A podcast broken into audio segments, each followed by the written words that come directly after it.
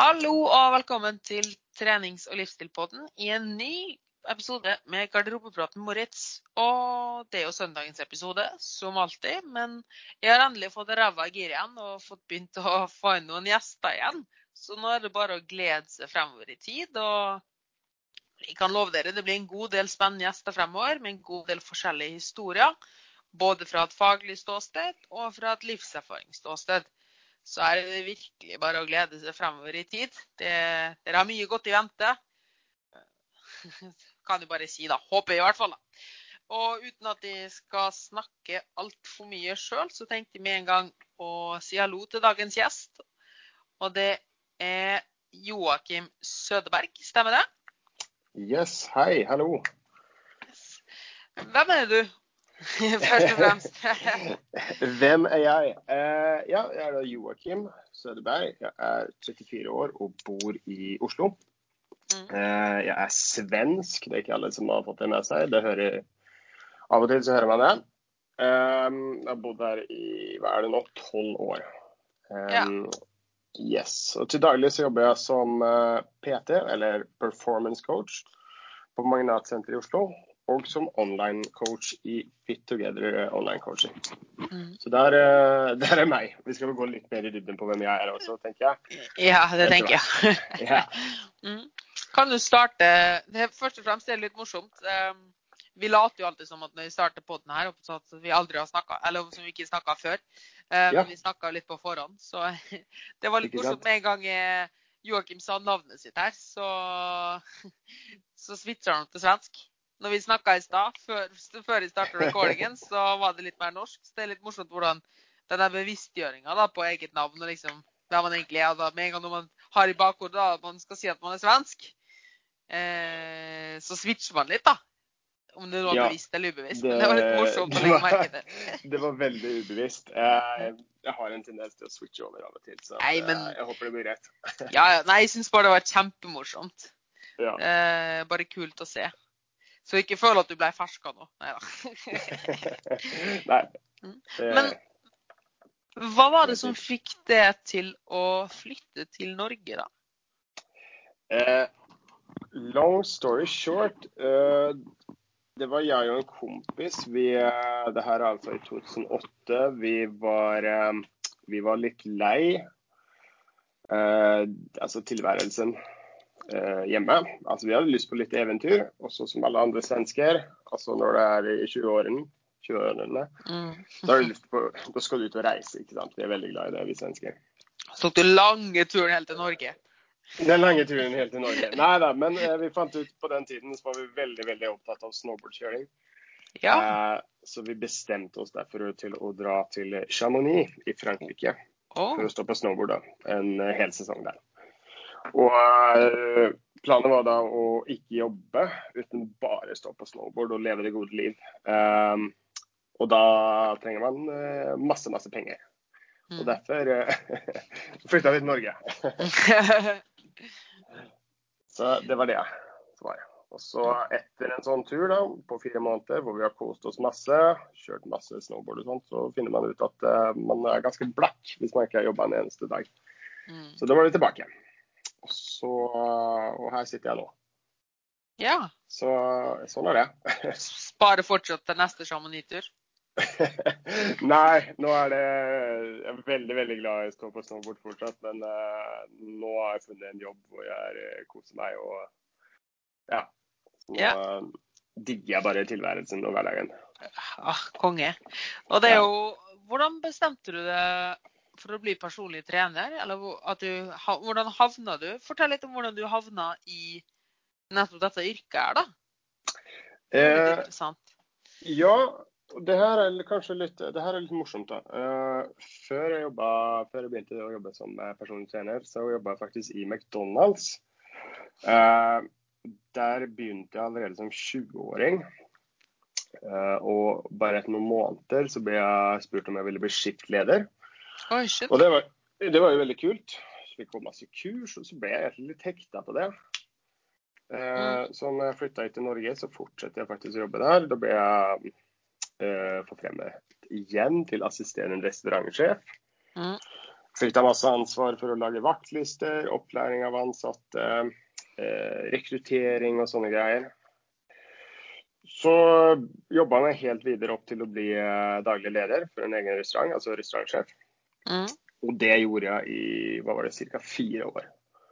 Eh, så tanken var jo liksom at jeg skulle fortsette der. altså Lærte meg masse om lederskap og, og mennesker og sånt. Eh, du kan si hva du vil da, om McDonald's. og Det er jo kanskje litt sånn motsatt ende med det vi gjør i dag. da. Jeg ser, jeg skjønner ironien der. Eh, og jeg liker å tulle med det og si at jeg liksom har gått fra fatness to fitness-industrien, da. Men eh, eh, det er én ting da som har vært veldig lærerikt med det, og det er jo liksom at hvis du har i utgangspunkt stressa og sultne mennesker som har veldig lave forventninger eh, på det du driver med, da, altså, hvis du kan overgå de forventningene, da er du ganske god på kundeservice. Og Det ble liksom et litt mantra for meg og um, mine ansatte. da. Eh, altså prøvde å levere kvalitet eh, under de forutsetningene vi hadde. Ja. Så det var liksom litt av en eh, reise. Men så fant jeg ut at det var liksom egentlig ikke eh, noe jeg hadde lyst til. Jeg har alltid hatt en egen interesse for uh, trening. Eh, Mm. og trene, så drev vi med både styrketrening og kondisjonstrening på altså helt fra videregående, liksom. Eh, så var det sånn at jeg fant ut at jeg har lyst til å gjøre noe som jeg virkelig virkelig brenner for, og jeg vil, gjøre, jeg vil jobbe med mennesker. Og Det hadde jeg Mm. gjort allerede fra 2000 og ja, Herregud, hvor ble jeg? Jeg siden jeg starta McDonald's. Fra 2006, faktisk. Mm. Eh, og da møtte jeg faktisk eh, han som var PT-ansvarlig i Sats Elixia på det tidspunktet, helt tilfeldig gjennom en felles bekjent, over en lunsj. Som spurte om jeg hadde lyst til å bli personlig trener. Akkurat da så hadde vi noen ledige plasser på en sponset PT-utdannelse. ja, såpass, ja. Eh, og jeg sa mer eller mindre ja eh, den samme dagen. Eh, og jeg sa opp fra jobben hvor jeg hadde, altså hadde, hadde grei lønn, jeg hadde firmabil og hele den pakken. Og bare hoppa rett uti. Shit. Bare Og hoppa har- uten noe som helst uh, Eller hoppa bare cold turkey rett inn, på en måte? Yes, det gjorde jeg. Eh, på det tidspunktet så var også min samboer hun var student, så det var liksom ikke noe sånn særlig økonomisk trygg tid det heller. Men eh, hun følte at det var riktig eh, valg for meg, og det følte jeg også. Og jeg har ikke angra et eh, sekund på det. Så eh, det er litt sånn, litt sånn morsom story. Ja. Men Det er jo veldig det, det, det første som slår meg, er jo litt sånn Det sier jo litt om Kanskje litt om bildet folk har, kan få av en personlig trener. da, At liksom eh, At det er kanskje ikke noe folk tenker, men det at du jobber i ledelse og jobber så mye med folk, da. At det går så fint hånd i hånd med det å være personlig trener. da, For det er jo nettopp det vi gjør, å jobbe med folk. Eh, og det er jo mer det Ja, menneskelige. Og det er jo det er kanskje det største som vi la merke til det du sa nå i starten. da. Det var jo det du sa om at du alltid ønsker å overprestere, eller gi litt mer enn forventa. Ja, ikke sant. En kundeservice. eh, Altså det er, en, det er kundeservice det vi også driver med. Absolutt. Og, og um, det vet jo både jeg og du at eh, altså, fornøyde kunder, det er, ja, det er god business, om man sier det sånn. da. Mm. Fra det ene ståstedet. Og det er ikke minst det å gjøre folk lykkelige. Da. Det er også det at, som du sa, det der med liksom den der uh, Du sa ikke direkte, men jeg følte det var litt den der du sa med at Den følelsen du ga folk når du ga dem mer enn forventa, På Mhm. McDonald's, når du møtte dem mer enn forventa. For de forventa liksom dårligste, laveste standarden. Ja, Eh, fordi Også, det er Mækkern, liksom. Mm. Og det tror jeg er mye av grunnen til at så mange blir så glad i personlig trener og sier at, eh, at det er veldig fint. For det ofte er jo folk som starter med personlig trener, folk som har et la oss kalle det rett ut, et elendig forhold til trening og mat. Mange av dem. Mm, helt enig. Eh, og når de da det eneste de assosierer med å, være, å gjøre en forandring med vekta, eller starte med trening, er Berries bootcamp og Herbalife. Så, og den da blir møtt med at du, du kan egentlig gjøre ganske mye og fortsatt få resultat og ha det ganske gøy, så blir det litt sånn Shit! Det Mm, var overraskende. Nettopp. Og jeg, Ja, tror det, og det, jeg tror det er mye av den samme følelsen man møter, da, uansett hvor det er. da, At du liksom, du bare overgår forventningene til noe. Den der genuine overraskelsen du kan gi folk, og gleden. Ja, og ikke minst det liksom at eh, folk tenker at eh, eh, en PT kanskje bare er en person på en måte som står og teller de åtte til tolv repetisjonene og, og sier ta i litt ekstra, kom an, gjør en til. Eh, men Mm. også faktisk viser at eh, vi er der for dem, viser omtanke og interesse. Ja. Eh, og det, det mener jeg på en måte er litt sånn grunnleggende kundeservice. Um, og det mener jeg at det man ser at de som lykkes over tid, de, de har den biten også. Mm. Uh, og det er viktig. Eh, når, du da, når, da, når du da begynte på PT-utdanningen, da, eh, var det noen grunn til at nøyaktig PT? For det liksom, altså Greit nok at det er kundeservice, det kunne du gjort i mange andre ting. Og du hadde jo Ja. en ganske stor rolle i McDonald's. Så hvorfor Og en sikker stilling, ikke minst. Mm. Hva var grunnen til at det plutselig var, hva var grunnen til at det plutselig var bestemt med Nei, vi må forandre på noe.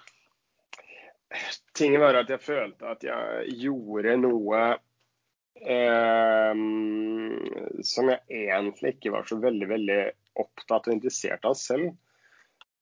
Men som allikevel krevde en veldig, veldig stor innsats.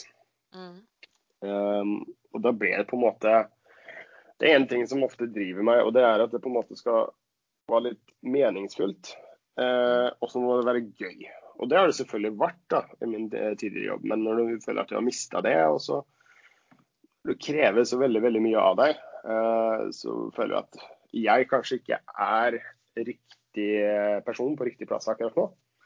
Så da begynte jeg å liksom se litt andre um, altså retninger. Jeg søkte litt andre jobber. Og, men så var det jo liksom det der med PT. da, altså Jeg var opptatt av trening selv. Uh, Merka hvilken forskjell det gjorde å, av å trene og ikke trene uh, under perioder. Og så tenkte jeg liksom, ja, men det, det med trening høres liksom kult ut, men det er så vanskelig å få jobb der og vanskelig å få plass på utdannelsen. Um, altså, Det var min fordom, da, eller, men uh, når jeg ble direkte spurt, så tenkte jeg at her er det en ganske sjelden mulighet, så jeg er ganske dum hvis jeg takker nei nå. Fordi at Mm. jeg har jo egentlig lyst til dette her. Um, så ja, så var det egentlig noe jeg har hatt lyst på veldig lenge, men uh, på en måte har skyvet litt vekk, da. Ja. Men det er, jo, det er jo ofte der folk stopper opp, da. I at en lar det være med tanken.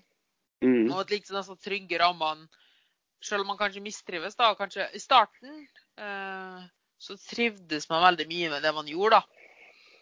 Men så Ja. tør, tør man ikke å ta neste steg videre, for man er så trygg i rammene sine. Og så tenker man kanskje tilbake til at liksom Ja, men nei, det er bare en periode. Eller nei, det, ja, men de syns det var greit før. Og nei, nå, nå har jeg bestemt meg. Nå må jeg stå i valget mitt resten av livet. Og sånne ting, da. Og at folk Ja, ofte det blir er litt mange av de. Og at folk blir kanskje litt begrensa av den tryggheten, av den følelsen av trygghet. Uh, ja, jeg er veldig enig. Altså, og, og det er helt fine hvis det er liksom For noen så er det ikke det liksom da Kanskje den tryggheten er en verdi som man uh, Altså, det er veldig viktig. Man kanskje har familie, man har barn, og bare vite at man har den tryggheten. Uh, kanskje har en jobb som har uh, grei lønn. Det, er ikke så, det krever ikke så veldig mye av deg. Og, og, og det er helt fine, så lenge man faktisk er klar over det.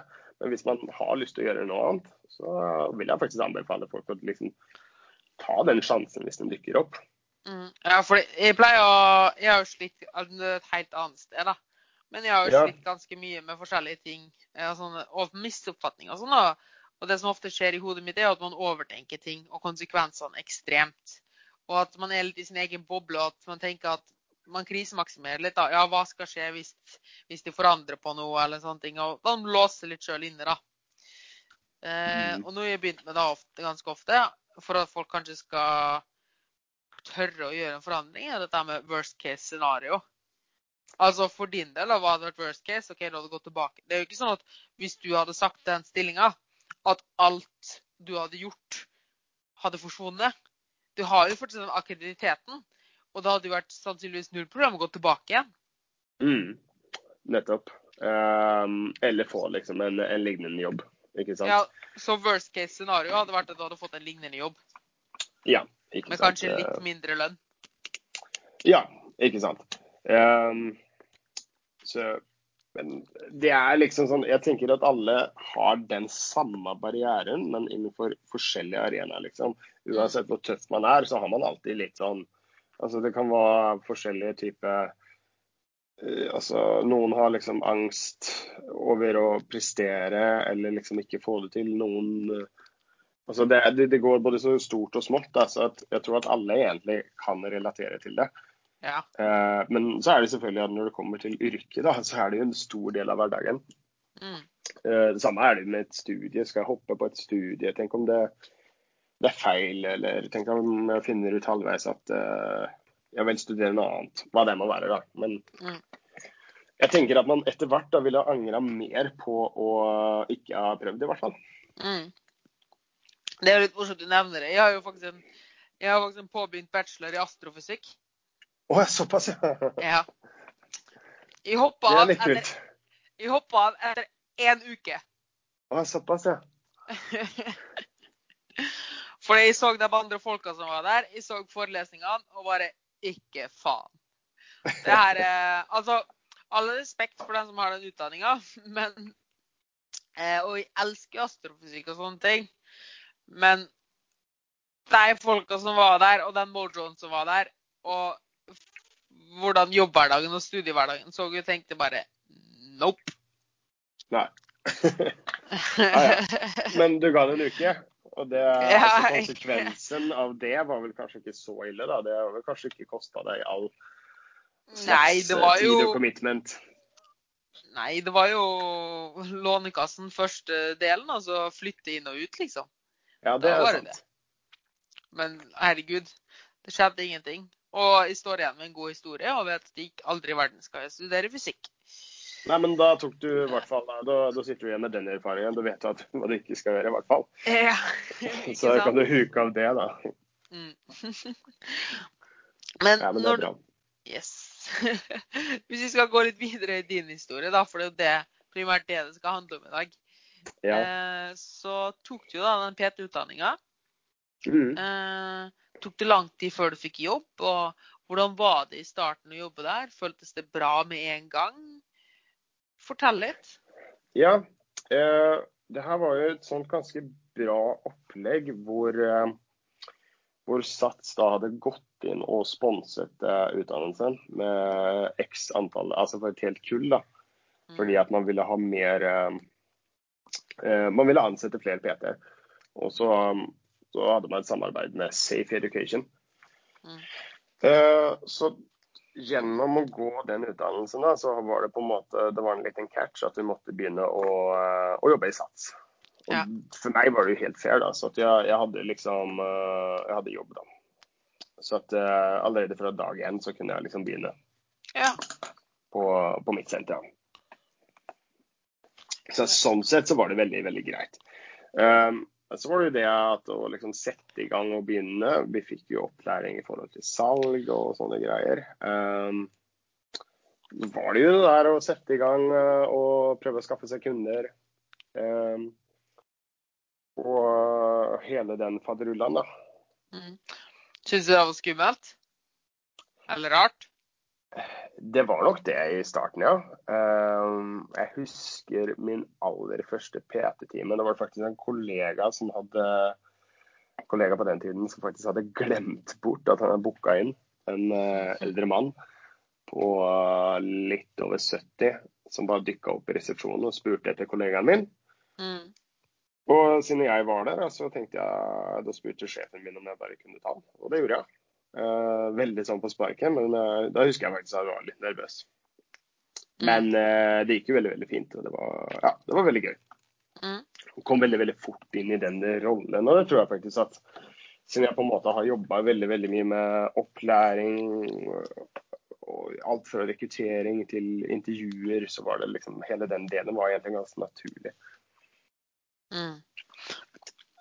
Tok, ehm, Var, var det noen spesielle utfordringer du la merke til i første uka, eller var det en periode der du angra veldig? Der du tenkte shit, det der skulle jeg aldri ha gjort?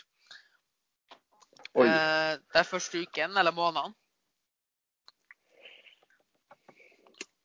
Nei, ikke noen sånn spesifikk hendelse, men hvis man tenker litt tilbake på holdningen man hadde da kontra nå, så tror jeg man hadde blitt ganske oppgitt over seg selv hvis jeg hadde møtt meg selv eh, Åh, i dag. Hvordan det?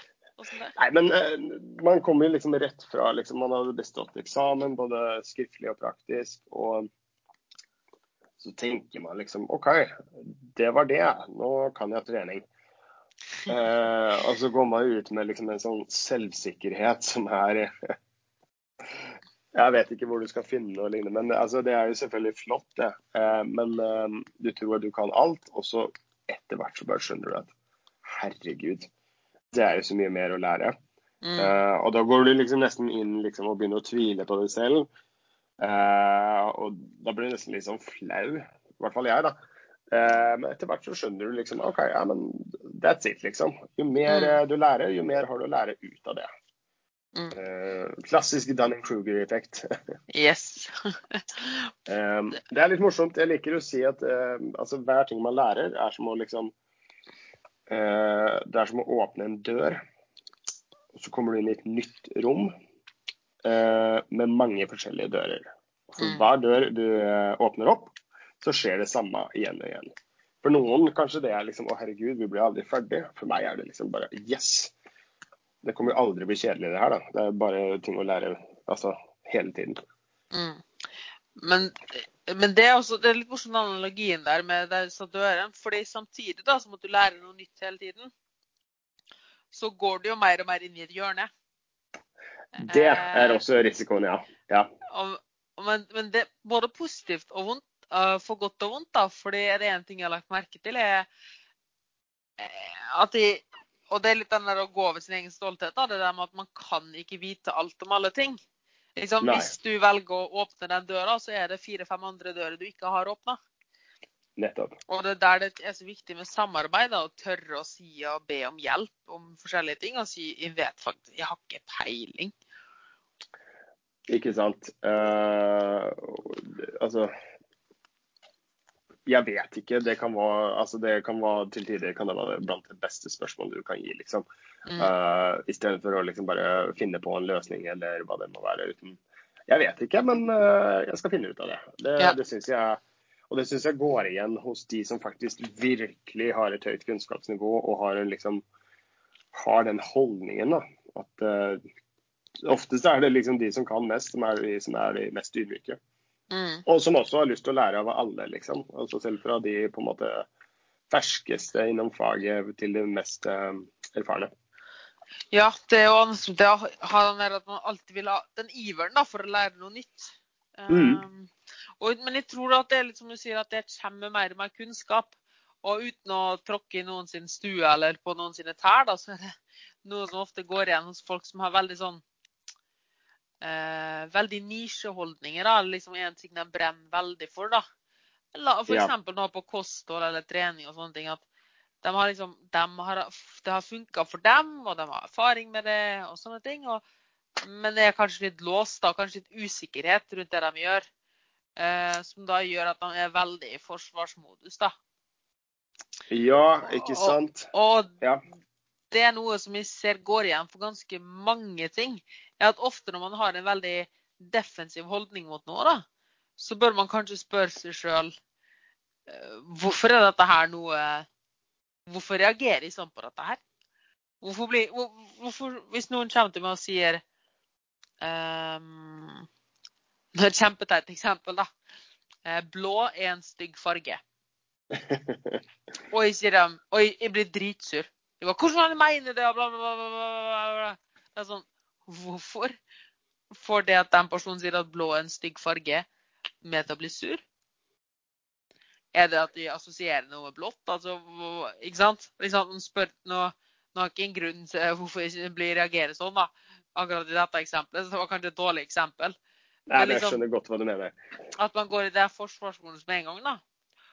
Eh, fordi man, jeg tror det, Og her, i dette eksempelet, da, så hadde det kanskje vært at nettopp fordi de ikke har en god grunn til å like blå, at de hadde gått i forsvarsmodus. Men av en eller annen grunn hadde de vært overbevist om at blå er, far, er fargen. Det er fargen, liksom. Det er beste fargen. Og når, Ja. da, og når noen da utfordrer den tankegangen min, da, men ikke har noen god forklaring på det, eh, så er det veldig fort gjort å gå i forsvarsmodus. Føles angrepet, da. Ja, ikke sant. Um, og herregud, jeg så et så fint bilde nå nettopp av eh, Spencer Nadolsky, hvis du følger han på Instagram. Ja, meme-doktor. Skal vi se Hva var det sto? Jo, 'Science doesn't really give a shit about your opinion'. Ja. Det syns jeg var litt morsomt. Men det er også så Altså, det på en måte vi har Jeg tenker at vi har en litt sånn motpol av det hele. Og, og der er det også de som sier at liksom sånn Nei, det funker ikke. Eller sånn er det ikke. Og det her er bedre. Fair enough. Men så kommer vi også til den liksom menneskelige faktor som vi var inne på først her. At jeg vet at det finnes bedre ting, men jeg syns det her er bra. Det Mm. funker for meg gjennom at jeg gjør det, og jeg trives med det. Jeg syns det er morsomt.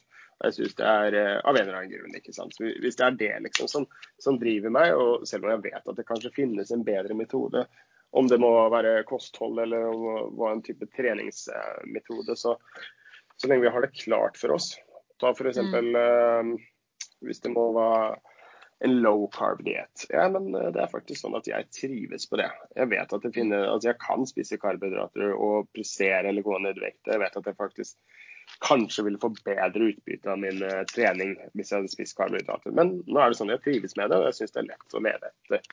Mm. Så, ikke sant? Det, jeg syns på en måte at det må vi på en måte akseptere også, da. Mm. Men, men det gir meg et veldig godt eksempel på dette her, egentlig. Um, og det er litt det der med at uh, man føler man alltid Og det er ofte et hinder for folk, det er at man, prøver, man må forsvare valgene sine. Men det er faktisk en helt legitim grunn å si at fordi jeg trives med det.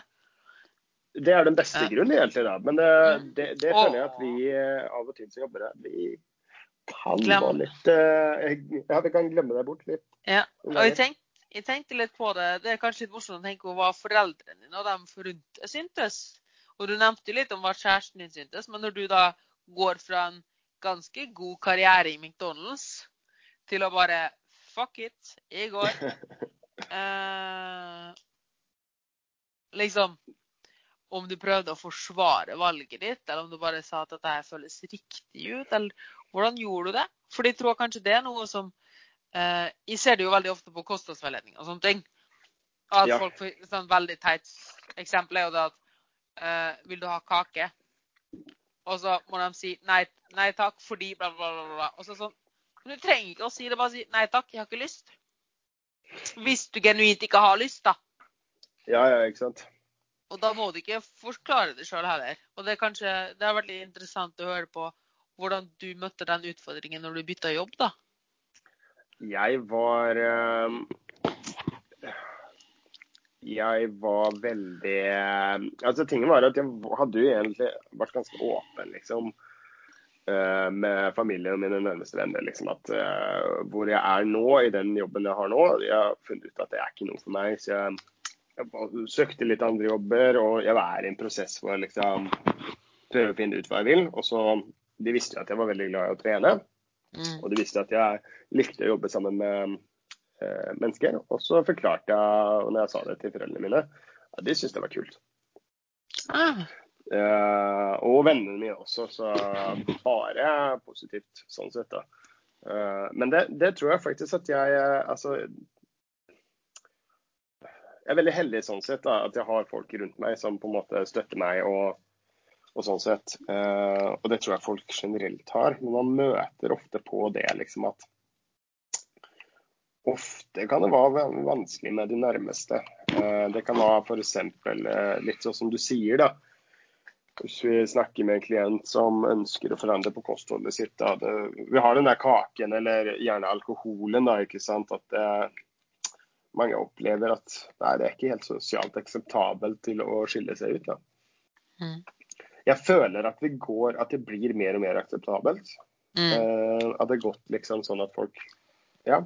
Nei, men feil. Hun, eh, hun eller han vil ikke drikke i dag. Kult. Eh, jeg selv er jo en av de som eh, altså, drikker mer og mer sjeldent. Um, og av og til så kan jeg liksom eh, ja, drikke veldig lite hvis jeg skal på en fest. Jeg har ikke problemer med å ta meg en fest av og til, altså. Mm. Det er gøy. Men uh, jeg, jeg syns det er ganske digg å, å gjøre veldig sjeldent. Sånn sett, da. Men jeg tror kanskje at Eller jeg vet ikke, men For å ta det fra min egen del, da, så slet jeg veldig mye med eh, dårlig Eller eh, Jeg prøvde alltid å forsva- eh, skjule ting. Altså, jeg var ikke på det rene med meg sjøl, da. F.eks. når jeg bodde hjemme, da. Mm. Eh, så, så gjorde jeg egentlig ting som jeg ikke helt sto for. Eh, Ja. Og hos meg direkte, da, så var det jo Det skal egentlig ikke være så mye om meg her, men tar det bare for det passer veldig godt. Ja. Så var det det at jeg hadde jo blitt stempla Jeg hadde, har jo hatt anoreksi i ungdommens tid, da. Ja, nettopp. Eh, og da ble jeg jo stempla ved et visst sted, så ble jeg jo stempla som frisk.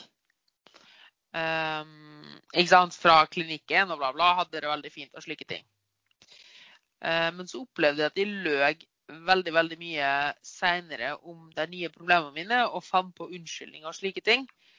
Eh, Mm. Og veldig mange av de tingene jeg gjorde, begrunna jeg med egentlig løgner. da.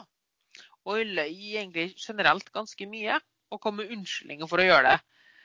Uh, og det jeg gjorde, måtte jeg alltid forklare på en måte. Jeg hadde liksom behov for å forklare hvorfor jeg gjorde sånn. Så nei, nå uh, gjør dette her fordi jeg skal teste en ting. Eller nei, gjør dette her fordi bla, bla, bla. Egentlig bare piss, da.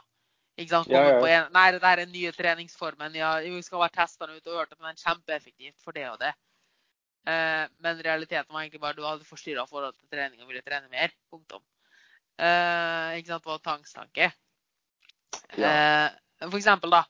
Og det var jo da, Men jeg hadde jo et behov for å forklare meg, for det ikke sto på det regne med meg sjøl. og ikke egentlig sto inne for det jeg gjorde, da, hvis du skjønner. Ja. Så jeg tror at med en gang du, du faktisk er overbevist og er ærlig med deg sjøl og dem rundt deg, så, og du vet at det du gjør, det er riktig for akkurat det eh, Du er på det rene med deg sjøl, da. Og, Ja. og føler ikke at det du gjør, er i strid med, med hva du egentlig står for, da, så, så er det mye lettere å være ærlig om det. da. At du føler du har ikke behovet for å forsvare det. Så Nei, hvis, ikke sant? hvis, så hvis du rent og skjært ikke har lyst å drikke alkohol, da Du har bare ikke lyst, Mm. så tror jeg ikke du har behovet for å forklare det bort heller. Nei, og du sier, sier noe der, da. Og, og ikke minst så vil det også være lettere. Uh, og, og det tror jeg egentlig det gjelder alt. Altså, det var jo på en måte Jeg fant ut selv at OK, nå gjør jeg noe som jeg faktisk egentlig ikke er uh, så veldig keen på å gjøre. Mm. Uh, jeg gjør det kanskje fordi at det er på en måte Det ser bra ut på papiret. Eh, økonomisk sett så vil det være gunstig å fortsette, men eh, jeg har jo ikke godt av det. Eh, men så tenker jeg, hvem er det egentlig jeg prøver å altså, overbevise? Mm. Um, og eh, det der var jo liksom egentlig en ganske tøff periode, liksom. For når du føler at det, altså det er en ting å jobbe veldig, veldig hardt. Um, og mye, det sier jeg ikke er noe feil, men hvis man gjør det for noe man selv ikke helt trives med, eller eh, liksom som man selv ikke har lyst til, rett og slett. Eh, For meg blir det i hvert fall litt sånn um, Ja, det går liksom litt imot min egen prinsipp da, om å være ærlig mot meg selv, akkurat som du sier der. da. Mm.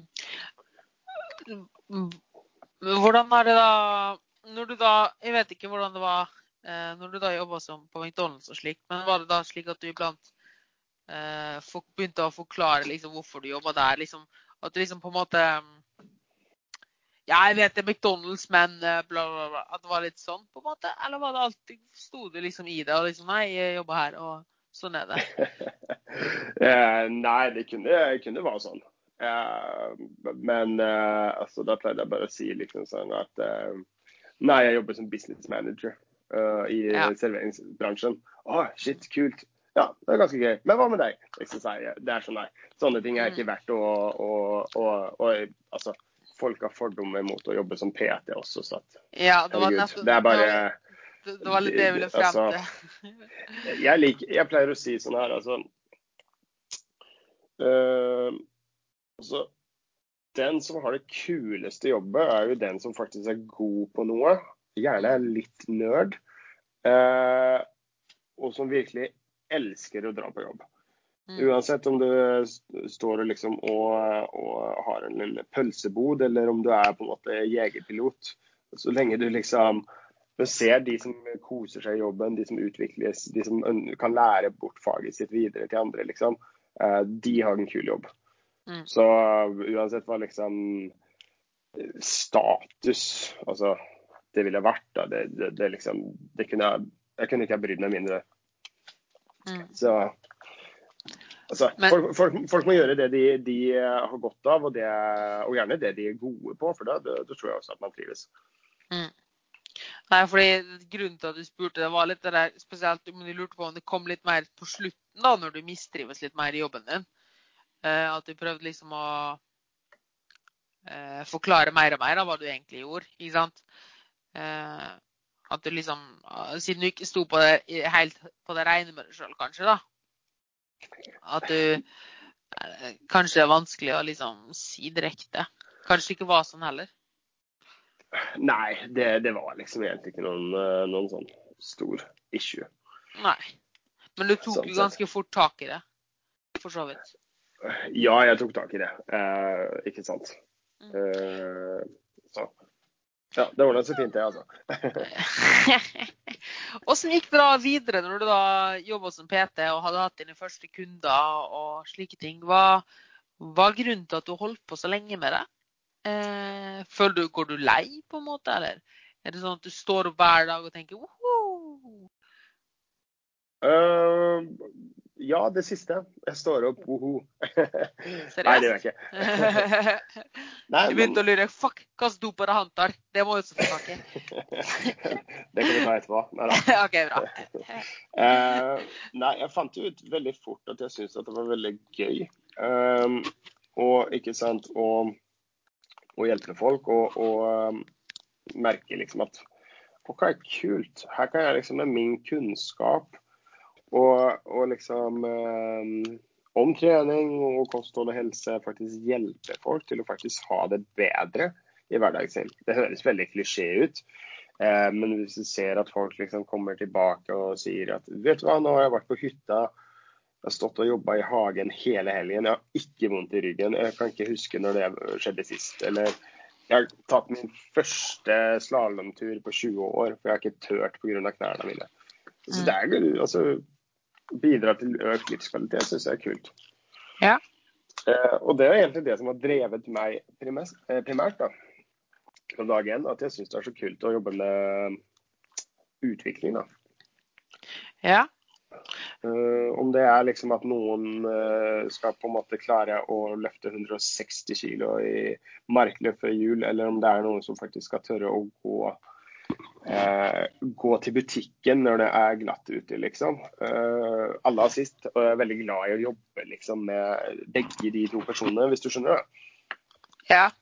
Det er jo Eh, mye av det samme som går igjen. Ja, fordi altså, det, det gjør at jeg må på en måte Jeg blir litt utfordra i det, og det syns jeg er spennende. Og det blir så dynamisk. Ja, du nevnte det med utfordringer. Hva, hva mener du akkurat nå for tida er din største utfordring sånn generelt? Er det noe du, du irriterer deg over, eller noe du sliter med? Eller kanskje noe i det siste du har fått til, da? Som kanskje folk kan dra ut inspirasjon av? liksom sånn, Hvordan du klarte å gå over et hinder. Du har jo nevnt et ganske stort et, det at du bytta karriere. Det er jo veldig, veldig stort. Ja, øhm, jeg har jo nå i eh, juni så øhm, jeg har jeg ikke bytta karriere, men jeg har jo, jeg har jo bytta jobb. Altså jeg sa opp min stilling i SATS. Og uh, hoppet av eh, altså og hoppa bort fra det å være ansatt til å um, starte eget selskap. Og, eh, og da altså jobbe som personlig trener eller performance coach på Magnat. Mm. Så det var jo på en måte eh, stort steg, da. Uh, tingen hvorfor jeg ønska å gjøre det, det var jo fordi at jeg så det liksom som uh, mer muligheter. Uh, ønska å jobbe med mennesker som jeg eh, ser opp til. Uh, det er vel liksom litt inne til det vi snakker om, det er at man kan lære av hverandre. da. Ja. Uh, så og sø, altså jeg tenker liksom sånn der at man Hvis du er den minst erfarne i rommet, da er du heldig, tenker jeg. Ja. For da kan du på en måte Da er du, da er du liksom bare å, å liksom eh, Men du, Å du lære av andre, da. Mm, Men da må du igjen få den der utfordringen Nei, um, du må klare den der eh, mentale switchen da, med at Shit, jeg har lyst til å lære. Altså, jeg kan ikke dette her. Du må liksom legge fra deg den stoltheten, da. Det er ganske god egenskap, virker det som at du har, da. Ja, men det er noe som jeg virkelig har liksom eh, å prøve å holde meg fast ved. liksom at eh, Jeg vil utvikles, og jeg vil liksom eh, Og det tror jeg på å gjøre, liksom å, å søke Altså å snakke med mennesker fra forskjellige bakgrunner, Um, akkurat som jeg og du gjør nå. Eh, altså diskutere med andre som kan andre ting enn deg. Og så ta det liksom tilbake, og så sitter du igjen med liksom mer dypere erfaringer og Ja, altså man blir på en måte Man kanskje blir et par millimeter klokere for hver, hver sånn samtale man har, da. Ja. Uh, Var du Så- Når du jobber med så mange hyper, eller folk som kan mer enn deg, da, er du iblant redd for å drite det ut? Nei, det er jeg ikke. Um, fordi at litt sånn som det, altså Min opplevelse er at eh, altså, flinke folk er eh, altså, som regel de mest ydmyke. Altså. Og det syns jeg går igjen. Og de kurs jeg har, har tatt og gått, og de menneskene jeg snakker altså det er uh, Ta da som uh, du nevnte Melina. Mm. Nå er jo hun ikke så mye innom Magnat, da, for hun driver med andre prosjekt, og så har hun akkurat blitt mamma. Men hun er jo liksom en sånn person som uh, ydmyk, og som du kan liksom uh, lære av. Og samtidig så uh, alltid en person som har lyst til å utvikles, da. Og det syns jeg på en måte er et sånn type miljø, da. Er veldig, veldig fint å være i. Mm. Uh, og det er jo liksom det som vi var tanken med når Fit Together blir starta også. Altså den online coaching-plattformen jeg er en del av. Ja. At vi uh, ønsker å ha liksom vi, vi får ikke bli for like. Vi får ikke ha de samme meningene om alt. Da, da blir det liksom Da blir det sånt ekkokammer. Det er litt Ja. farlig. ja, men hva tror du er Fordi nå akkurat nevner du at du Du, du sier du ikke er redd for å drite ut uh, på jobben, da, men det er jo kanskje et sted der du er ganske trygg. Men klarer du å bruke den generelt i hverdagen? Er du, er du ofte redd for å gjøre noe feil, eller sånn, For du virker veldig, veldig trygg på deg sjøl. Og jeg ser jo det hvordan det gjenspeiles, hvordan du alltid klarer å bytte jobb til tross for at du har det veldig trygt. da. Uh, og det virker jo som at når du da gikk så klatra såpass fort i rangstigen på f.eks. McDonald's, da, det virker jo som du har noe ved det som gjør at du er eh, du, peik, du peker ut, da. Hva, hva tror du er grunnen til at du, du tør? At du, ikke, at du tør å ta neste steg og prøve nye ting? Fordi det er jo helt klart noe at kjempemange er redd for å drites ut. Ja øh, Oi, det var et bra spørsmål. Uh, jeg tenker at jeg har på en måte litt sånt annet syn på det nå. Um, litt sånn Hva er det verste som kan skje? Jeg har jo liksom F.eks. når jeg sa opp og satt, så har jeg fortsatt god kontakt av mine gamle altså Du er jo venn med gamlegjengen der, liksom. Og så at hvis jeg ikke hadde liksom fått mulighet til å Eller hvis jeg føler at det ikke skulle gå bra hvor jeg er nå, så føler jeg at jeg er på en måte har, har alltid noe å gå tilbake til. Men så er det også litt sånn at man tenker at altså, det blir en sånn risk reward da, eh, approach. At uh, altså rewarden, belønningen av å ta den ris uh, risikoen, er jo ganske stor. da, altså Hvis man tenker på litt sånn langsiktig perspektiv. Um, å jobbe selvstendig gir meg på en måte litt muligheter som jeg kanskje ikke ville hatt som ansatt. da. Jeg holdt f.eks. et lite kurs her for uh, et par uker siden for uh, en gjeng fysiostudenter. Ja. Uh, og det er liksom noe som jeg har tenkt at altså, det hadde vært så gøy å holde kurs. liksom. Jeg er jo godt kjent med folk som holder kurs. og jeg ville jo være som de store, som de store gutta og jentene, liksom. Så, så da måtte jeg lage mitt eget kurs, da. Kult. Åssen gikk det, Eh, da? Nei, det, det gikk bra. Ja. Eh, vi snakka om eh, vi. Eh, og det føler jeg meg relativt trygg i. Det var utrolig gøy. Ja. Og det ga uten tvil mersmak på å gjøre det Mm. mer. Så at Nei, eh, bare for å svare på spørsmålet ditt. altså Jeg tror egentlig sånn at jeg er ikke så nødvendigvis alltid så ekstremt trygg i alt, men på en måte mer trygg på at det som regel ikke kommer gå så dårlig.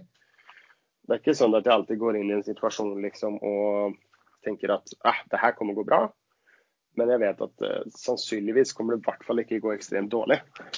Eh, og hvis det går bra, så kommer jeg å ha veldig veldig godt av det. Og det er en, liksom, den, eh, den muligheten har jeg lyst til å gripe. Så litt, litt mer den approachen, da.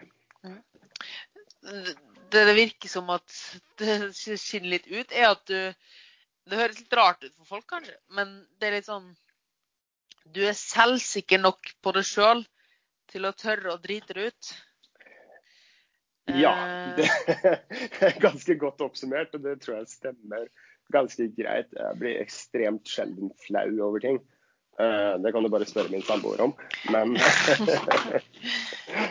men eh, jeg tror jeg på en måte er på et sted hvor jeg er, føler at jeg er litt mer moden enn det jeg har vært. da. ja. Sånn sett, da.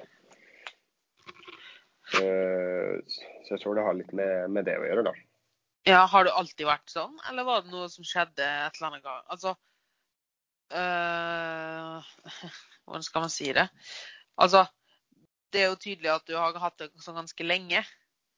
Men øh, har du alt, var det noe som skjedde at du merka at shit, det går jo helt fint? Liksom å drites ut? Eller var det bare noe som du alltid har hatt inneboende? At liksom øh, du har vært såpass trygg på deg sjøl og ærlig på deg sjøl, liksom hatt den forståelsen for at det verste som skjer, er at de lærer noe nytt, liksom?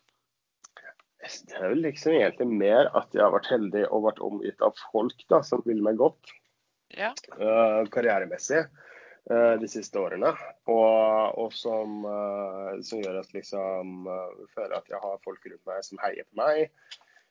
Og, og samtidig så Altså folk som er eh, såpass flinke og ærlige nok som, man også, som også heier på meg, men som ikke er redd for å si ifra. Liksom. At du, vet hva, prøv dette her, eller hva tenkte du nå, liksom. Eh, så det er vel egentlig det Mm. det det går i, liksom, da. Eh, Det, eh, det jeg tror kanskje er også det at du Det er jo ikke farlig å drite Eller det jeg tror folk kan ta med seg fra det, er jo det at å drite seg ut eller gjøre noe teit er ikke farlig.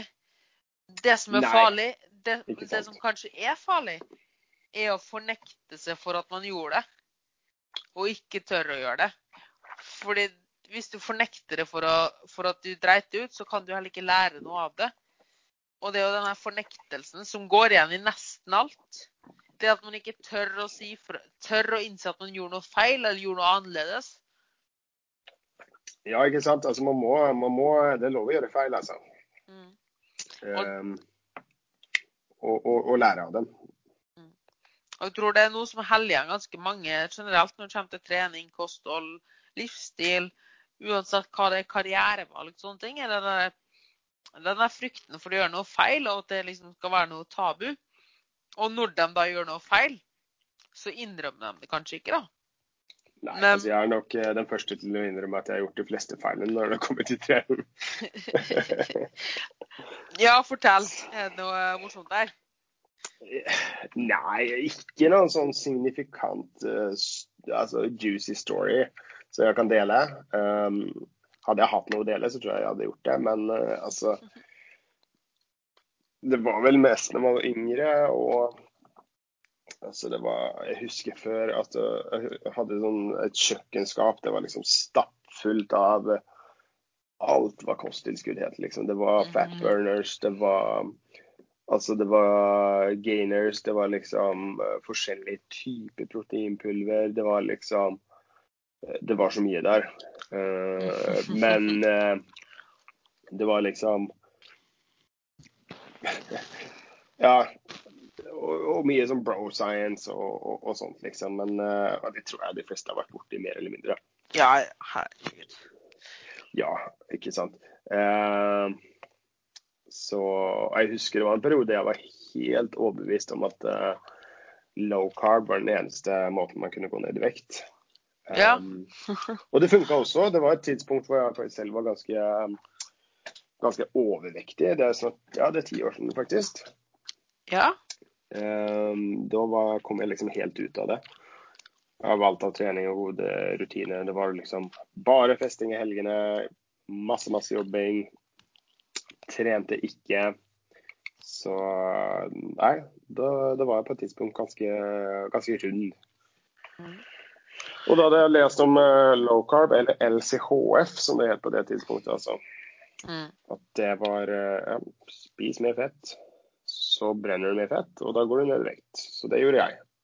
Det funka jo da. da. Jeg gikk ned ti kilo på, i løpet av eh, Jeg tror det var så i løpet av en eh, seks-sju uker, faktisk. Mm. Og da, selvfølgelig, da tror du jo på det, fordi at det funka for meg. Det er jo en klassiker. klassiker. Det funker for meg. Det gjorde jeg, men så etter hvert så fant jeg ut at ja, det var ikke sånn.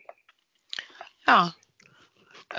Men det som er morsomt der, er jo at uh, du snakker om lavkarbotikken, hvordan du gikk ned i vekt og sånn. Mm. Men det jeg interesserer meg for, er hvorfor du mista det. Og det husker jeg ikke, men uh, hva det var Jeg tror ikke det var noe sånn spesifikt, men jeg skjønte etter hvert at på en måte Jo, det var at da begynte jeg også å trene. Jeg hadde jo altså en periode Det her kan jo kan være litt interessant da, hvis det er noen som er litt ny til trening å ta del av. Eh, Jeg var altså på det tidspunktet på vei til å jeg skulle vel, Rett før jeg skulle fylle 25. Og så var jeg jo ganske rund, da. Så ikke så veldig veldig mye større enn det jeg er nå, men jeg hadde sånn å si null muskelmasse. Mhm. Eh, og alt var samla rundt magen. da. Og da var jeg på, følte jeg liksom at OK, jeg vet jo at jeg må begynne å trene, og det hadde jeg vært veldig glad i og gjort veldig veldig mye før. Men eh, jeg følte at jeg på en måte så Jeg følte at jeg var for feit til å gå på treningssenter, for der er, der er det kun veltrente mennesker. Så jeg husker jeg, jeg begynte med løping. Mm. Så kjørte jeg, eh, jeg kjørte mye intervaller, bakkeintervaller. Eh, og så var det sånn at jeg skulle komme i grei nok form før jeg fikk lov til å gå på treningssenteret. Det sa jeg til meg selv. Jeg husker jeg det starta meg i mai, og så var det vel i august jeg meldte meg inn på treningssenteret. Mm. Uh, og det, altså, det vet jo både jeg og du. Altså, det, det, sånn, ingen ville jo, skulle jo ha dømt meg hvis jeg hadde gått inn dag én der og kanskje til og med spurt om hjelp. da. Men da var husker jeg det, at det var sånn at jeg fortsetter å, å, å trene på ganske høy intensitet og blir veldig glad i det fort. Og merker at det, jeg funker ikke uten karbohydrater. Jeg blir så sliten. Um, så det var, veldig effektivt for vektreduksjon, da, fordi at jeg åpenbart hadde spist veldig mye karbohydrater før. Mm. Uh, men for trening så var det Det funka ikke i det hele tatt, altså. Men det er jo litt morsomt her at du som er så sjølsikker og sånne ting, slet altså med å komme deg på treningsstudio fordi du var redd for hva andre kom til å tenke? Ja, veldig. Uh, og jeg husker at jeg hadde liksom på en måte ikke lyst til å gå og kjøpe meg særlig nye altså treningsklær, så det liksom gikk mye baggy T-skjorte det liksom. og uh, når jeg trente, og Det tok en god stund før jeg kom ut av det, liksom. Kan det henge sammen med litt det vi snakka om i sted, at handlingene du gjorde, ikke sto helt i kontekst til hva du ønska, og derfor var du litt flau for det? Og turte ikke å stå i det, på en måte? Ja. Øh, kanskje heller mer redd for hva andre skulle mene og tenke. Men, at, øh, at, her men, kommer det liksom en 25-åring. Burde ikke han være mer trent enn det, det der, liksom. Det var, det var, litt mer den tanken jeg hadde. Jo, jo, men tror du ikke så tankene kom fordi du ikke var Du var ikke på det rene med deg sjøl? Fordi fordi hvis, du hadde vært på det rene med deg sjøl, hvis du hadde trivdes med den du var, og det du gjorde, hvorfor skulle du brydd om hva andre mener? Ja, det er, det er veldig godt poeng. Jeg tok meg nok selv i å, å, å, finne ut at jeg egentlig ikke var så altså trivdes særlig mye. Men Jeg husker at det var en sånn at folk begynte å si at ja, men du er jo alltid trøtt, ikke sant. Og folk spør mm. hei, hvordan går det? Jo, det, det går bra, jeg er bare litt trøtt i dag. Sånn som ja. man kanskje sier av og til, da. Men så var det sånn at alle rundt meg begynte å si at ja, men du er jo alltid trøtt, du. Det er jo ikke. Jo, det er du. Du sa det i går, og du sa det forrige uke når jeg møtte deg også. Og du sier det alltid. Bare, så da jeg bare tenkte over det, altså hvor kult er det å være han som er trøtt? Det er jo ikke noe fett. Jeg er 25 år, jeg skal ikke være trøtt. Så det, det var liksom på en måte en litt sånn uh, vekkerklokke, liksom. da. Ja. Uh, hva gjorde at du Hva var utløsende faktorer for at du i det hele tatt begynte å trene? Var det Altså, hva var For du kunne jo bare latt det gå videre. Du kunne jo bare tenke Nei, fuck it, dette her. Det orker ikke. Ikke sant? Fordi veldig mange stopper jo med den terskelen som du sa, at nei, men jeg, jeg er for tjukk til å trene. Eller jeg er for dårlig form til å trene. Det er ikke vits å starte. Nei, men jeg bare fant ut at altså, jeg liker jo egentlig å trene og syns det har vært gøy hele tiden. altså Helt fra barndom, barndommen. altså Da spilte jeg ishockey og fotball. og altså, videregående, Etter videregående drev jeg med styrketrening. Altså, har jo egentlig alltid likt det. Så tenkte jeg at hmm, det hadde vært gøy. Jeg har lyst til å begynne å trene og bevege meg og liksom pushe meg selv. Og... Så det var egentlig det var sånn 50-50 med både til og fra motivasjon. Altså. Men det var egentlig ganske positivt drevet sånn sett. da. Mm. Uh, jeg liker å kalle det at jeg hadde min midtlivskrise da jeg var 25. For det er viktig at jeg, jeg gikk og kjøpte en bil jeg hadde hatt lyst på veldig veldig lenge. Eh, det første jeg gjorde når jeg hadde fått bilen min, så, jeg, så, dro jeg og så kjøpte jeg et helt nytt oppsett med Jeg kjøpte nye løpesko, husker jeg, og så kjøpte jeg noen treningstøy. Og så, så, dro jeg og trente i den nye, fine, flotte bilen min. Så ja. liksom sånn der mann som blir 50 og, og liksom kjøper seg en Porsche og melder seg inn på treningssenter. Jeg hadde en sånn light-versjon av det. da. Det er på en måte, Jeg føler at jeg er ferdig med det. ja, jeg vet kanskje neste blir Lamborghini og sykkel til 30 000. Ja, det hadde jeg ikke takket nei til. ja, hvem vet. Det kan komme en ny midlife crisis 2.0. Ja, vi håper at det ikke skjer. Ja. Men det er jo tydelig at du har vært gjennom ganske mye forskjellig, da. Men du har jo på en måte alltid kommet deg ut av det hele igjen. Eh, og alltid så har jo ting gått ganske bra. Det er jo litt sånn fascinerende å tenke på.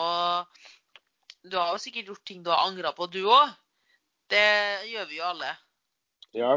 Men kanskje det at du, du, har kommet så langt som du gjør, at du ganske fort innser at nei, dette er ikke det riktige for meg, og fortsetter videre, da. Hvis de skjønte det riktig.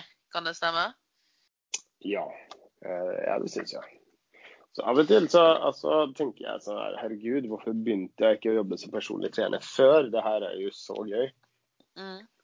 Men samtidig så på en måte alt, alt jeg har lært av uh, andre jobber og erfaringer i Altså har jo på en måte gjort meg til den jeg er i dag. Da. Det høres kanskje litt stort og, og um, klisjé ut, men uh, jeg tenker at man er jo på en måte et produkt av sine egne erfaringer da, og lærdommer.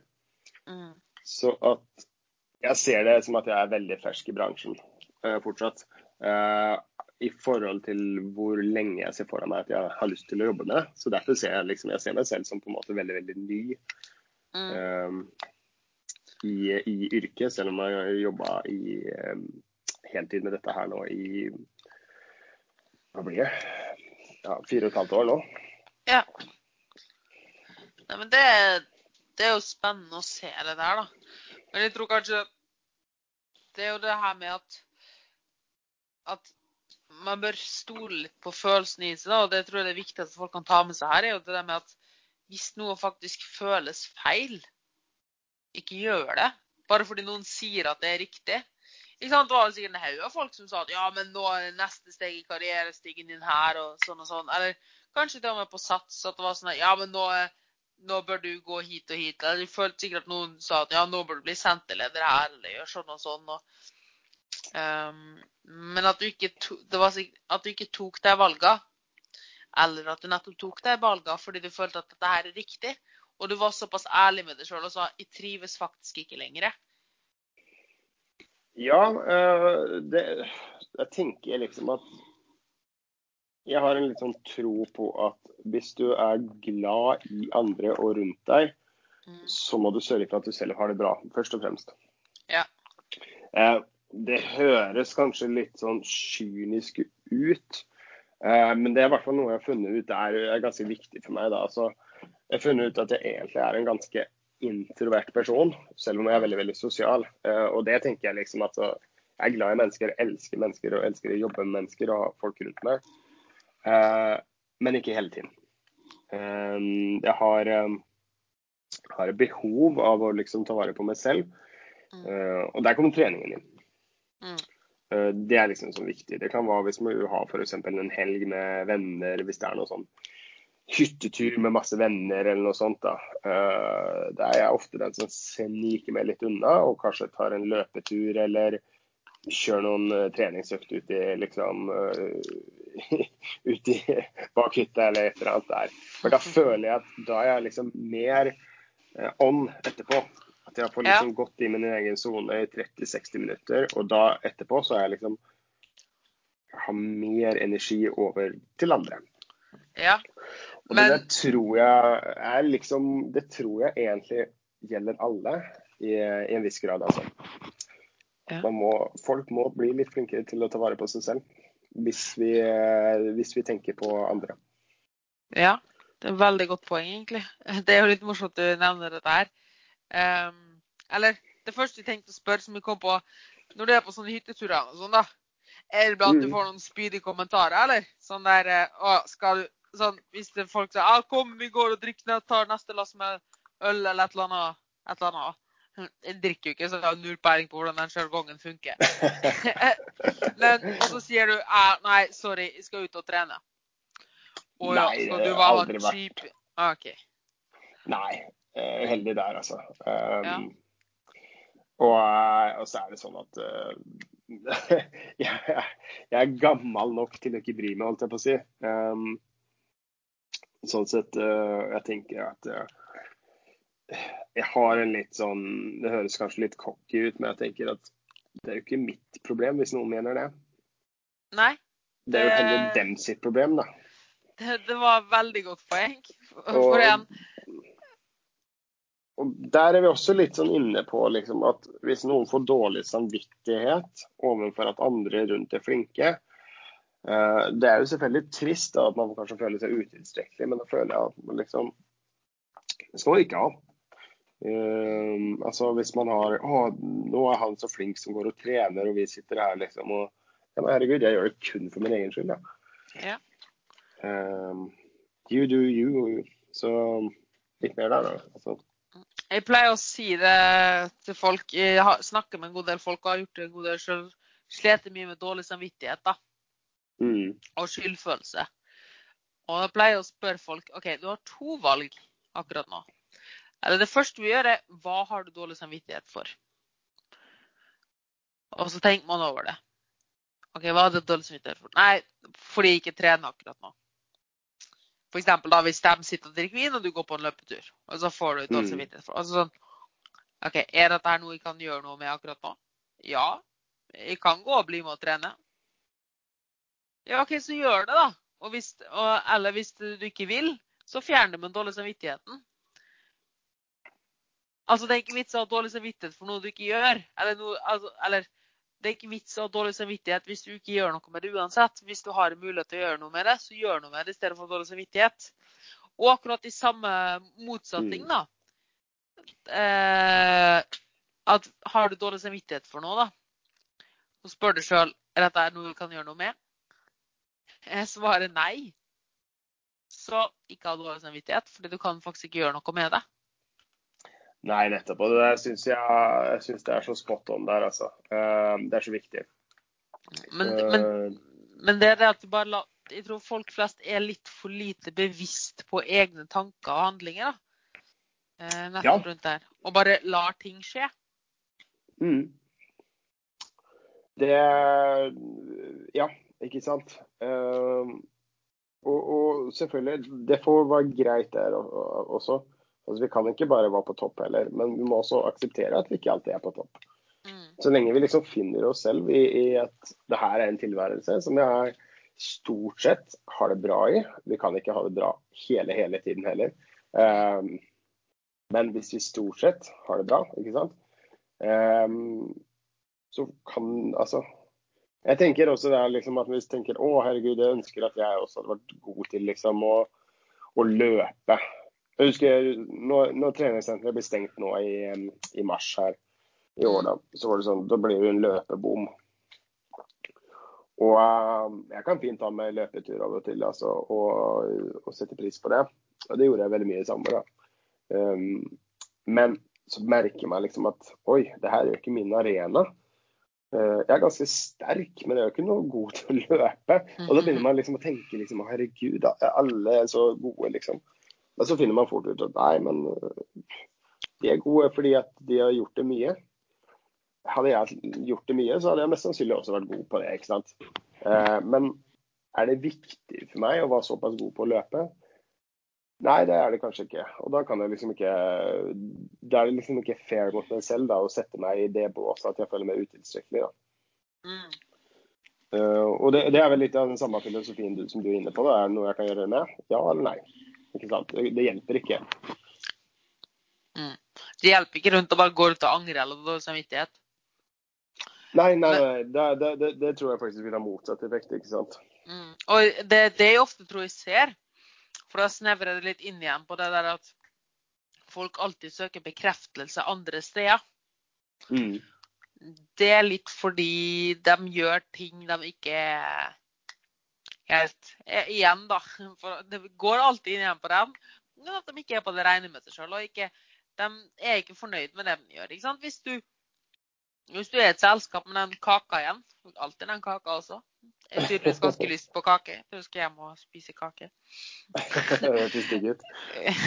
Så da, det er jo litt sånn her Hvis du har et kakestykke og har behov eller får dårlig samvittighet fordi den personen attmed deg ikke spiser kake. Hvorfor i helvete spiser du kake, da? Hvorfor skal du Hvorfor trenger du bekreftelse for å spise kake i at andre spiser kake? Det er ikke sånn at kaka blir mer innafor fordi en person attmed deg spiste. Nei, nettopp. Eller vice versa. At liksom Det er ikke sånn at du må forsvare deg sjøl for å ikke spise kake hvis du ikke har lyst på å spise kake liksom, bry deg om ditt eget. Og hvis du faktisk er trygg og skjønner at det du gjør, er riktig for din del, så vil du ikke ha det behovet for å rettferdiggjøre det eller be andre gjøre det samme og slike ting. Fordi vi er altfor opptatt med å se hva andre gjør. Mm. Og det er litt morsomt helt på eh, tampen. En litt morsom historie. Jeg er jo veldig ekstrem på sånne ting, da. Fordi jeg har drevet så mye med fornektelser og løgner og sånne ting. da. Så jeg har en ja. regel, regel, for meg sjøl at jeg skal være 100% ærlig. Med mindre det er en hvit løgn, altså noe, ikke sant, noe sånn der. Jeg sier, ikke, ja, jeg sier ikke 'du har en stygg kjole på deg i dag'. Det er liksom ikke der, da. Men når det kommer til min egen del Så jeg husker når jeg starta å her for PT Service, ja. så spurte de skal vi ut og spise eh, på ei burgersjappe. Det var ganske sånn svære, mektige, feite skikkelig sånn skikkelig, amerik skikkelig burgere. Åh, det hørtes eh, deilig ut. Mm. Hele gjengen ut. Jeg hadde jobba der en uke. Eh, og jeg er litt sånn som du, jeg er veldig introvert. Og i tillegg så er jeg veldig glad i å ha kontroll over hva jeg spiser. Det gir meg bedre samvittighet. Der, eller det, meg, det ligger litt igjen fra tidligere. at Jeg vet at hvis jeg ikke rapporterer det, tracker det jeg spiser, så har jeg en tendens til å spise altfor lite. Ehm, og det var ganske mye for meg. liksom En haug med nye ansatte, ny by og alt dette her. Og de spurte meg har du lyst til å bli med ut og spise. Så sa jeg nei. Har ikke lyst. I helt ny jobb. Så jeg, jeg har ikke lyst, men jeg forklarte også hvorfor. Eller jeg sa at jeg har ikke lyst, det stresser meg mer enn det kos, at det koser meg. Dere kan Mm. gjerne gå ut. Takk for at dere spurte. Men det, det der det har ikke lyst til. Det blir for mye for min del. Ja. I stedet for å da kanskje gå ut, da. Um, og sitte der og finne på en unnskyldning hvorfor jeg ikke skal ha det, eller hvorfor jeg skal gjøre sånn, eller hvorfor skal jeg gjøre sånn. Og egentlig mistrives med hele situasjonen, da. Så bare var jeg på det rene med meg sjøl og sa nei, jeg har ikke lyst. Uh, og det er ikke noe personlig hos dere, det er kun fordi jeg sjøl uh, merker det blir for mye for min del. Og det ja, det det ingen er og veldig det var- strongt å, det å var- kunne si noe sånt. Mm, Men det er jo naturligvis så lenge du er ærlig på det sjøl, og på dine egne rene premisser, så er det ikke noe farlig. Ingen blir såra. Fordi det var, jo bare- det var jo ikke noe negativt med dem. Det var bare for mye for min del. Og det var ingen sure miner, og alle aksepterte det. Fordi det er litt sånn morsomt, da. Eh, hvilket argument skal folk ha mot det? Hvis noen spør hvorfor du gjør det du gjør, og du argumenter i det fordi det ikke føles riktig for min del. Hvilket argument skal de ha imot? Så lenge den handlinga kun påvirker deg sjøl. Ja, nettopp. Ikke sant? For å ta det kakestykket igjen, da. Mm. Uh, nei, jeg har ikke lyst på kake. Ja, hvorfor ikke det, da? Nei, jeg har ikke lyst. Hvilket argument skal de ha imot? Altså, Ja, altså, Folk kan sikkert komme med argumenter, men uh, altså, i bunnen altså, det er ikke gode argumenter. fordi Hvis ikke jeg har lyst, eller den eller du, ikke sant, så det, må det være greit der, da. Samme som når du sa du bytta jobb. Hvorfor har du lyst til å bytte jobb? Du kunne jo sikkert begynt med argumenter som ah, nei, bedre lønn og bla, bla, bedre vilkår, bla, bla, bla. Men i bunn og grunn så var det jo dette her føles riktig for min del. Hvem skal Ja. ha noe som helst argument mot det?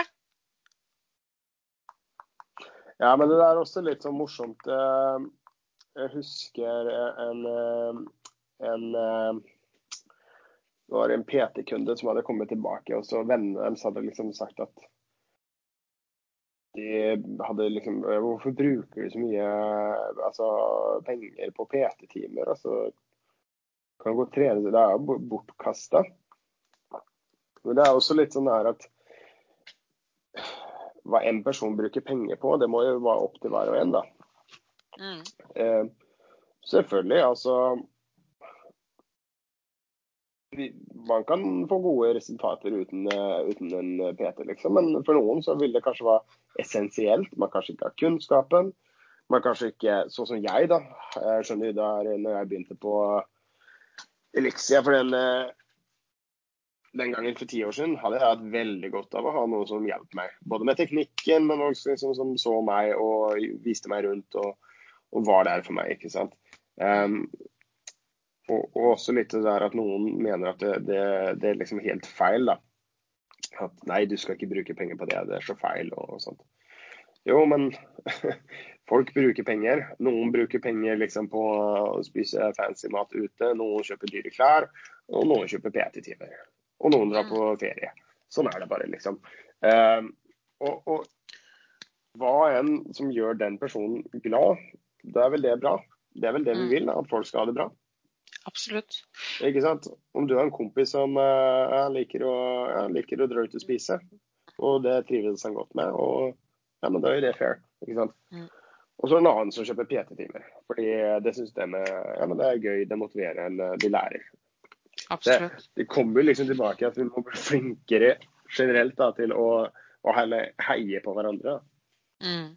Men det jeg syns irriterer meg veldig, um, det er når folk gjør noe, men syter samtidig. Uh, altså at de, at de fortsetter å gjøre samme handlingen, men ikke er villige til å gjøre en forandring og bare klage over det. Og det syns de rett og slett ikke er greit. Mm. Eh, og det handler litt om dette her med å være ærlig med seg sjøl igjen, og faktisk ta seg sjøl med nakkeskinnet. Fordi jeg pleier å si at gjør du det samme om igjen og om igjen, så kan du ikke forvente et annet resultat. Nei, Hvis du skal bygge et hus og bruke mursteiner, så får du et murhus. Du Mm. kan, ikke, du kan ikke klage over at du ikke får et tømmerhus når du kjøper mursteiner hver bidige gang. Nei, det er, det er helt sant. ikke sant? Men det er jo det folk flest faktisk gjør. De klager over å, jeg skulle ønske jeg kom i bedre form, eller å, jeg skulle ønske jeg hadde råd til det, eller sånne ting. Og så er det sånn Ja, men Eller for eksempel gylden eksempel. Jeg sliter med jojo-slanking. Jeg sliter med å holde vekta. Men, og så klager de over dette her. Men hver gang de går ned i vekt, så tyr de til samme resultatene verktøy igjen. Og det er en eller annen pulvershake. Det er sånn, ja, men ikke klag over at du går opp i vekt igjen hvis du gjør det samme hver gang. Hvis du ikke er villig til å gjøre en forandring, uansett hva det er i livet, så syns jeg ikke du fortjener å klage. Da får du faktisk, da skal du, og det er veldig, veldig viktig, akseptere der du er. Akseptans. Om det nå gjelder kronisk smerte, eller at du har gått på en smell på trening, eller jobben du er i, enten så aksepterer du situasjonen din og er fornøyd, i stedet for å konstant gå rundt og sammenligne med andre og liksom bare ah, 'Jeg skulle gjort sånn og sånn, jeg skulle gjort sånn og sånn', eller eh, 'Å, men jeg burde ha gjort sånn og sånn', eller det og det. Aksepter situasjonen din. Eller Mm. gjør en forandring. Men hvis du ikke er villig til å gjøre en forandring, så kan du ikke forvente et annet resultat heller. Nei, eh, det er jo helt fair, ikke sant. Og, og, og sånn er det. Eh, det er jo litt sånn eh, tøff kjærlighet å, å høre det, liksom. Eh, men det tenker jeg at eh, Kan. folk Kan gjøre Oi, nå datt du litt ut der. Ja. Eh, Vent litt. Ja.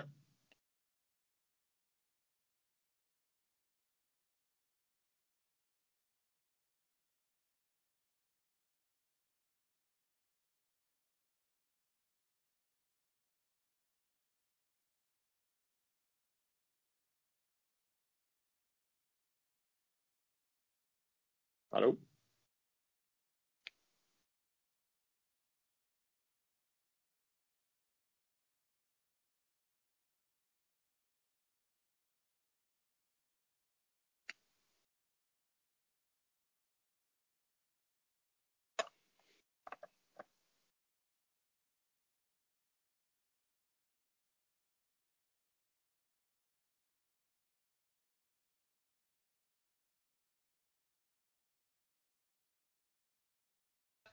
Ja. Sånn! Der var du tilbake igjen. Konge. Åh, det blir litt av et styr med to lydfiler etterpå. Ja, ja, ja. Ja, men det er bra. Da har du noe å finne på. Ja, det får gå. Eh, Du datt ut ganske fort etterpå. ja, OK. Eh, Men det jeg sa da, før du datt ut, var at ehm, at, at selv om man har lyst til å gjøre en forandring, da, så må man også kunne innse at det ikke alltid er mulig.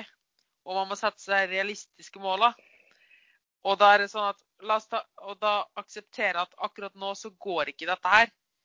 Eksempel da, en småbarnsmor med fem unger bør ikke gå rundt og være konstant misfornøyd fordi hun ikke ser, har sixpack og får trent hver dag. Men, og det er jo veldig, det mentale mindset-skiftet, er at hun kan gå rundt hver dag og være misfornøyd. Fordi hun ikke klarer å trene Mm. fem ganger i uka og ikke har sixpack. Og kan ha kjempelyst til å gjøre en forandring. Men akkurat den livssituasjonen hun er nå, så må hun faktisk akseptere at hun ikke kan gjøre det. Og Nei, i hvert fall ikke i samme grad, kanskje. Nei. Og når hun da klarer å akseptere dette her, så kan hun gå fjerne den Altså akseptere situasjonen sin. Så kan hun så fjerne den mistrivselen eller dårlig samvittigheten som hun går rundt med. da. Mm. Fordi realiteten er jo at det hjelper ikke å bare gå rundt og være misfornøyd. Og det er litt det samme som vi snakka om med den dårlige samvittigheten. At det er den der at ikke gå rundt og ha konstant dårlig samvittighet. Enten så gjør du noe med det, eller så gir du slipp på den. Mm. Eh, Det er veldig, veldig sant. Eh, Og det handler jo veldig, veldig mye om å liksom se hvor er jeg nå, og hvor vil jeg? Ikke sant? Eh, Og ta utgangspunkt i seg selv, da. Mm. Om vi skal liksom knytte den til trening, så har du jo liksom at hvis du tenker en eh, som deg og meg, da, som jobber som personlig trener. eh, vi jobber på et treningssenter. For oss er det ganske lav terskel rent praktisk til å få til en, en treningsøkt hver dag. Mm. Eh, vi har treningen foran oss. Vi kan trene mellom kundene våre før etter jobb og sånt. Det er ganske lett, da. Mm. Eh, så bare der har vi en litt sånn fordel, da. Men så tenker jeg også at som hvis du tar en person da som har en småbarnsforelder som jobber 40 timer i uken og har kanskje 40 minutter reise, vei til og fra jobb hver dag, eh, mat som skal handles og lages, lekser som skal leses, sånne greier, må man på en måte begynne et sted hvor du faktisk har mulighet til å sette forventninger etter det. Mm.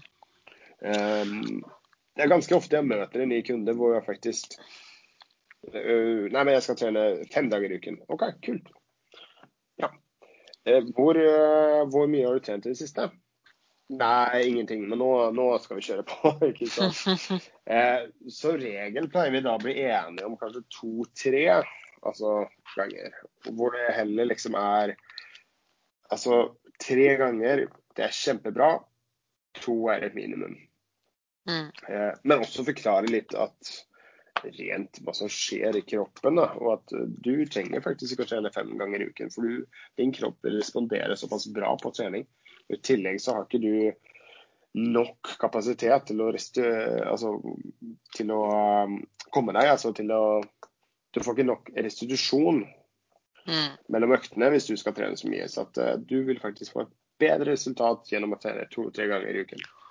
Og liksom forklare viktigheten av det. Da, og da, da er det for, på en måte, da går det som regel veldig, veldig eh, greit. Mm. For det er liksom det med den etterlevelsen der, det er jo liksom det det går eh, Det er jo det vi koker ned til hver gang. Da. Ja. ja. At, Også med- eh, Men det du gjør der i aktiv den prosessen, er egentlig å overtale vedkommende om at, å akseptere at dette her, det må vi starte. For hvis ikke, Mm. da, så går man alltid på etterskudd og prøver å jage etter noe man ikke har, og blir alltid misfornøyd. Og Det er derfor det er så viktig å sette seg realistiske og ordentlige målsetninger. Fordi alt, handler, alt er i hodet med sånne ting. mm, Hvis du har målet er to økter og du får til tre, kjempebra. Du blir dritivrig. Du blir glad.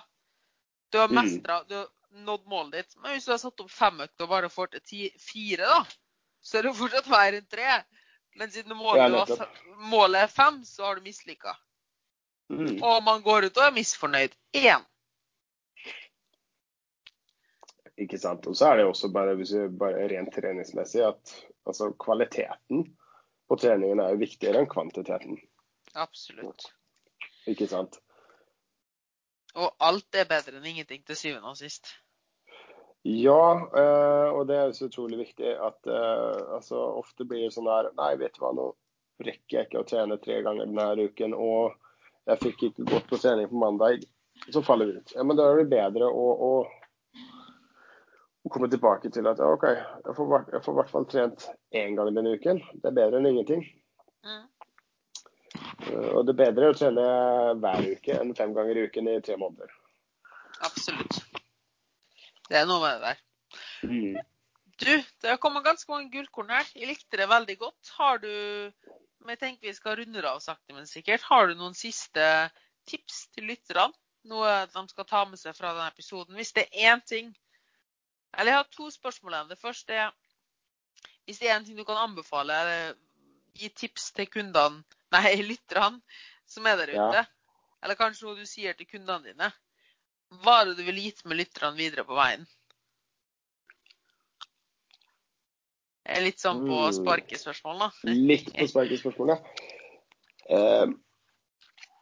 Jeg tenker, det, det er en ting som jeg liker å si til alle mine kunder. Um, og det kan man jo på en måte ta litt sånn uh, Det handler litt om det vi var inne på i stad, om å lære av andre. Mm. Aldri være redd om å stille spørsmål. Vær redd for å stille spørsmål. Det er ikke noe spørsmål som er for dumme. Mm. Altså spør folk som kan mer enn deg. om hva det enn må være. Liksom. Det er kosthold, trening eller uh, alt, ikke sant der. Uh, folk som kan mye, har som regel uh, syns det er gøy å hjelpe andre også. Det er sånn de selv har lært, gjennom å spørre andre. Ja. Um, så det er liksom sånn her, på en måte en litt sånn premiss jeg setter da, hos alle mine kunder. At de må få lov å spørre. Uh, og det skal liksom være veldig, veldig veldig høyt i tak. i Det så Bokstavelig talt. Altså alle spørsmålene er er bra, liksom. Uh, det syns jeg er på en måte er viktig. For ofte kan vi som uh, altså, vi som faktisk kan, kan, litt om trening, i hvert fall. da. mm. Kanskje for en person som ikke kan noe om trening. De, altså, de kan ingenting, men de ønsker hjelp. Om det kanskje er litt skummelt å, å spørre en, en, en, som fremstår som en ekspert. da. Mm. Så vi må på en måte senke terskelen, tenker jeg, for de som ikke ikke trener. Og at det på en måte, det trenger ikke være så eh, avansert alltid. Som du sier, all trening er bedre enn ingen trening. Det er liksom der du skal begynne med. Så kan du finne ut etter hvert ja, men det her har jeg lyst til å lære mer av, eller gjøre mer av. Mm. Det er nok noe jeg må også Egentlig veldig fin påminnelse du tar med til meg også. At, uh, at ingen spørsmål er dumme å stille. Um, og jeg tenker litt på det akkurat nå. Jeg skal ikke komme med noen konkrete situasjoner, men jeg har merka det i det siste at jeg, jeg har, litt, eller, jeg har blitt litt flinkere på det, men jeg har rett og slett vært litt redd for å spørre. Eller jeg har ikke spurt. Ja. Og det er noe vi bør ta med. Så det er absolutt noe vi også sjøl skal ta med videre. Og bare tørre ja. å spørre. Og ikke tenke at nei, dette, dette er jeg for god til, på en måte. Så det... Nei, det, ja, altså, så, så jeg tenker liksom folk som spør, viser egentlig bare ansvar for, å, um, for sin egen utvikling. Mm. Eh, så jeg, blir kjempeglad hver gang en uh, kunde spør om noe. Du, forresten, jeg lurte på det her. Hva, er det bra, eller eh, skal jeg gjøre mer av det, eller noe sånt? Fordi det viser jo bare, at de, altså, det viser bare tillit. Mm. Eh, men også så syns jeg at OK, kult, her er det en person som er nysgjerrig og vil lære mer. Eh, det syns jeg er veldig inspirerende. Ja. Nei, men jeg måtte nesten tenke litt på begge veier, faktisk. At jeg er den spørrende, og spørsmåla jeg svarer på. Eh, at vi må forandre litt på tankesettet der. Det, jeg merka i siste at jeg er blitt litt dårlig på det, så den skal jeg absolutt ta med. Så takk.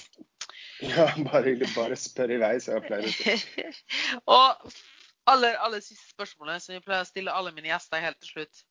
Og det er noe du ikke har forberedt på. Eh, og det er Å, spennende. Hvis du hadde møtt deg sjøl når du var en ung Du er jo fortsatt ung, da. Men når du var en liten Joakim, eh, en liten Joakim på 15 år, kanskje Med den kunnskapen du har i dag, hva hadde du sagt til deg sjøl da? Oi.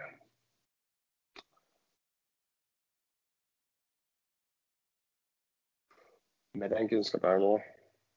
Um, oi, oi. Nå ble jeg liksom litt tatt på, på senga her. Jeg tror jeg hadde sagt 'jekk deg litt ned'. ja, men det er innafor, det. Slapp av litt. ja, den er fin, den. Ja, var Nei da, altså jeg var, jeg var, jeg var snill gutt da jeg var 15. Det var liksom ikke så mye Det var liksom eh, Det var ikke det. Men jeg tenker liksom alltid at man på en måte Jeg tror man hadde blitt ganske imponert over hvor mye man har lært i forhold til hvor mye man trodde at man kunne der og da. Sånn er det alltid. Man alltid går inn, inn. Så man går tilbake så tenker man herregud, jeg skjønte jo ingenting. Uh, og som 15-åring, da tror jeg at man uh, Da er man jo verdensmester på alt, da. godt poeng. Ja, ja, ja. Så ta og slapp av litt, da. Det tror jeg jeg ville ha sagt. Ta og slapp av litt, så har kjønnshåra kommer snart. Nei da. Nei, men eh, det var fint. Tusen takk for at du ville prate med meg. Hvis folk, der ute, hvis folk der ute vil eh, ta kontakt med deg eller følge deg og se litt hva du driver med og sånn, hvor er det de kan finne deg? Eh, da er det lettest på Instagrammen min. Der heter jeg altså pt understrek eh, Joakim Soderberg. Så der kan man gå inn og følge med. Så Konge. Der er jeg ganske aktiv. Og der syns jeg det er veldig gøy også. Og eh, på lik linje som deg, altså interagere med andre i bransjen og, og lære av hverandre. Syns jeg har fått til en ganske fin community der, som Mm. vi begge er del av. Eh, så det er veldig gøy. Yes. Det skal jeg alt linke nede i shownotene. Og hvis folk har interesse i å bli coacha av det, så finner de vel alt av informasjon på Instagrammen. Stemmer det? Det stemmer. Det stemmer. Konge. Så bare ta kontakt hvis noen lurer på noe. Yes, perfekt. Og jeg kan eh, stå for det sjøl. Ja, han er utrolig hyggelig og har god humor. Så eh, mye informasjon på Instagrammen Instagramen hans. Men også deling av en god del fine memes, og det setter vi alltid pris på. Det må vi alltid ha med. Tusen takk. Yes. Så da sier jeg tusen takk for at dere lytta på, og tusen takk for at du var gjest her, Joakim. Og det eneste som står igjen å si da, er rate podkasten vår på iTunes og, eller hvor du nå enn hører på den.